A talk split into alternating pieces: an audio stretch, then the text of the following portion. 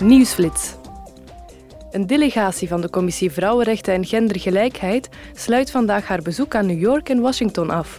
Deze week namen de betrokken parlementsleden deel aan de VN-commissie in zaken de positie van de vrouw.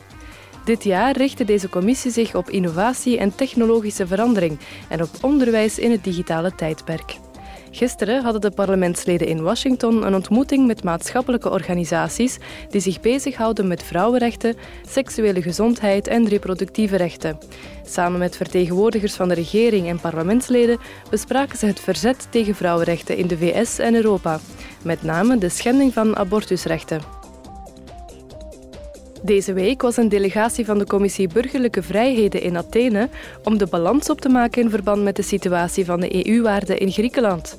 Het bezoek omvatte een breed scala aan onderwerpen, waaronder mediavrijheid en de veiligheid van journalisten, migratiebeleid, mensenrechten en gelijke behandeling, spyware, de rechtsstaat en de bestrijding van corruptie. Sinds gisteren kun je gemakkelijker een verzoekschrift indienen bij het Europees Parlement. Dankzij een gloednieuw webportaal, genaamd Petities 2.0, kunnen burgers hun recht uitoefenen om een verzoekschrift in te dienen of te ondersteunen.